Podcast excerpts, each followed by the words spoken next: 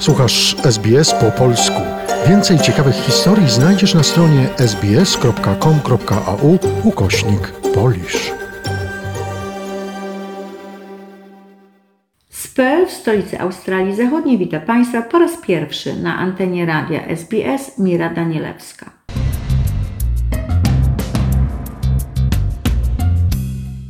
Zachodnia Australia znana jest z największej ilości niezwykłej urody plaż, a spektakularne zachody słońca są w stanie zastąpić wrażenia z najsłynniejszych galerii sztuki.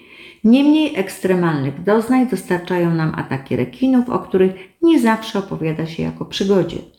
Wprawdzie wciąż usprawnia się systemy ostrzegania, ale liczba tragicznych w skutkach ataków nie wydaje się zmniejszać. Jeszcze nie ochłonęliśmy po tragicznym wypadku pływaka przy brzegu plaży Fremantle, kiedy niespełna kilka tygodni temu wiadomość o ataku żarłacza białego skupiła uwagę całej Australii, a nakręcone wideo rejestrujące ogromnego rekina biło rekordy popularności. Otóż David Tuckfield wraz z żoną Tanią i 14-letnim synem Shelby wypłynęli łodzią u wybrzeży Mandziurach położonego na południe Perth. Ponad godzinę blisko 4-metrowy rekin, raz po raz atakujący silnik łodzi, krążył wokół nich. Dźwięki silnika w szczęce rekina, na zmianę z krzykiem pani Shelby, to sytuacja widoczna na nagranym przez rodzinę filmie. Tym razem odbyło się bez ofiar, choć sytuacja wyglądała bardzo poważnie. Co skłoniło żarłacza do rezygnacji z ostatecznego ataku, nie wiadomo. Wydarzeniem, które budzi z pewnością nie mniej emocji, które jest od dwóch dni gorąco dyskutowane, to wybory federalne. Trzeba przyznać, że wybory w zachodniej Australii są zawsze ekscytujące, chociażby ze względu na to, że mieszkańcy głosują dwie godziny później niż reszta narodu. Tym razem jednak analitycy twierdzą, że Partia Pracy dostała się do rządu większościowego z powodu zachodniej Australii. Po tym jak zeszłego roku premier Australii Zachodniej Mark McGowan odniósł historyczne zwycięstwo, 14 miesięcy później poniedziałkowym południem ogłosił światu. Australia Zachodnia podjęła jasną decyzję, wybrała rząd pracy dla Australii. W chwili obecnej jeszcze za wcześnie mówić o dokładnej strukturze, podziale głosów, mandatów i procencie społeczeństwa, które były ze zmianą. Oczekujemy z niecierpliwością tych danych w okresie najbliższych trzech tygodni.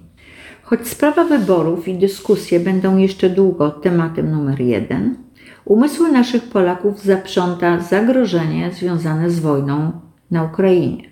Choć daleko od Polski, niepokoimy się o naszych bliskich i przyjaciół. Relacje o milionach uchodźców docierają do nas codziennie. Również w Australii Zachodniej tematem ważnym staje się sprawa przybywających tu na antypody obywateli ukraińskich uciekających przed wojną. Polskie serca w Australii dołączyły do powitania ukraińskich rodzin, które odbyło się w zeszłym tygodniu w dzielnicy Mirabuka. Konsul honorowy RP Paweł Biddorf wraz z polskimi organizacjami Klub Krakowia z obecną reprezentacją biało-czerwonych piłkarzy przy niezwykłej oprawie powitał gości, mówiąc o wielkim współczuciu polskiego narodu dla narodu ukraińskiego. Dzieci ze szkoły polskiej imienia Adama Mickiewicza w Mejland staropolskim zwyczajem wręczyły chleb z pięknymi flagami polską i ukraińską, symbolicznie oddając go w ręce ambasadora Ukrainy w Australii Wasyla Mirosznyszenko, który przyjechał z Canberry, aby powitać rodaków. Autentyczne wzruszenie przemawiającego ambasadora, który mówił o ogromie pomocy, z jaką spotkali się uchodźcy ukraińscy w Polsce, o gościnności Polaków, którzy przyjęli blisko 3 miliony Ukraińców, o pomocy medycznej i finansowej, o całym spektrum pomocy humanitarnej, jakiej doświadczają rodziny ukraińskie w Polsce. Wielu przybyłych Ukraińców podchodziło do polskiego konsula, by wyrazić wdzięczność za serce i pomoc, jaką udzielają nasi rodacy w Polsce. Mieszkańcy zachodniej Australii, tak jak wszyscy ludzie na całym świecie, mają nadzieję, że świat wkrótce wróci do normy. Pomimo wielu zawirowań, staramy się żyć w harmonii i przyjaźni. Wiele corocznych wydarzeń jednak, które zaplanowane były na ten rok, z powodu zaostrzeń covidowych przeniesiono na późniejszy termin. Festyn przyjaźni polsko-węgierskiej od lat przyciągał tłumy ludzi. W tym roku odbył się zamiast w planowanym terminie marcowym w majowej scenerii. Mimo niesprzyjającej pogody do klubu polskiego imienia generała Władysława Sikorskiego na festyn z okazji Dnia Przyjaźni Polsko-Węgierskiej przybyło wiele rodzin. Festyn zaszczycili również politycy stanowi i federalni. Obecny był konsul honorowy Rzeczpospolitej Polskiej Paweł Bittdorf i konsul Węgier Frick Schäfer.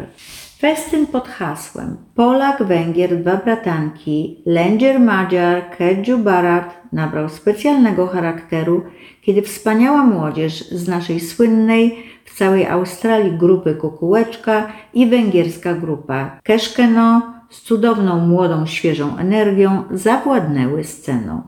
Był to już czwarty taki festyn, w którym świętujemy tysiącletnią przyjaźń pomiędzy narodem polskim i węgierskim.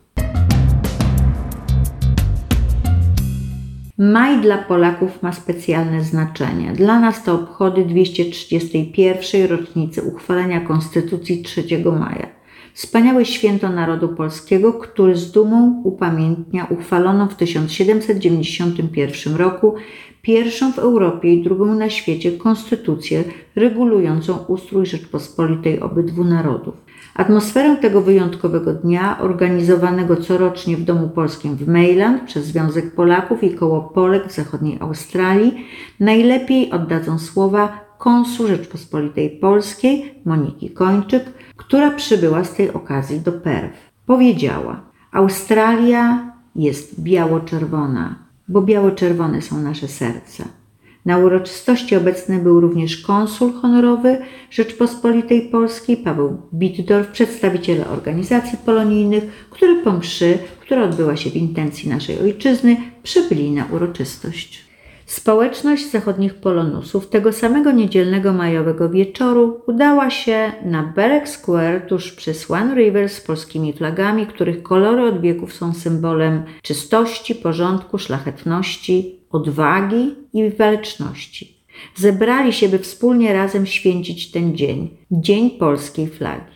Dzięki inicjatywie konsula honorowego Pawła Bittdorfa, absolutnie wyjątkowa dla Perth wieża, The Bell Tower, która jest drugim co do wielkości zestawem dzwoniących dzwonów na świecie, o wysokości 82,5 metra, została oświetlona w kolorach bieli i czerwieni. Barak Square, skąpany w biało-czerwonych barwach, przypominał słowa pani konsul Kończyk, że Australia jest biało-czerwona.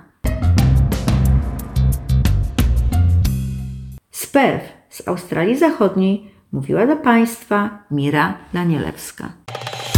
Polub nas na Facebooku, udostępnij innym, skomentuj, bądź z nami na polskim Facebooku SBS.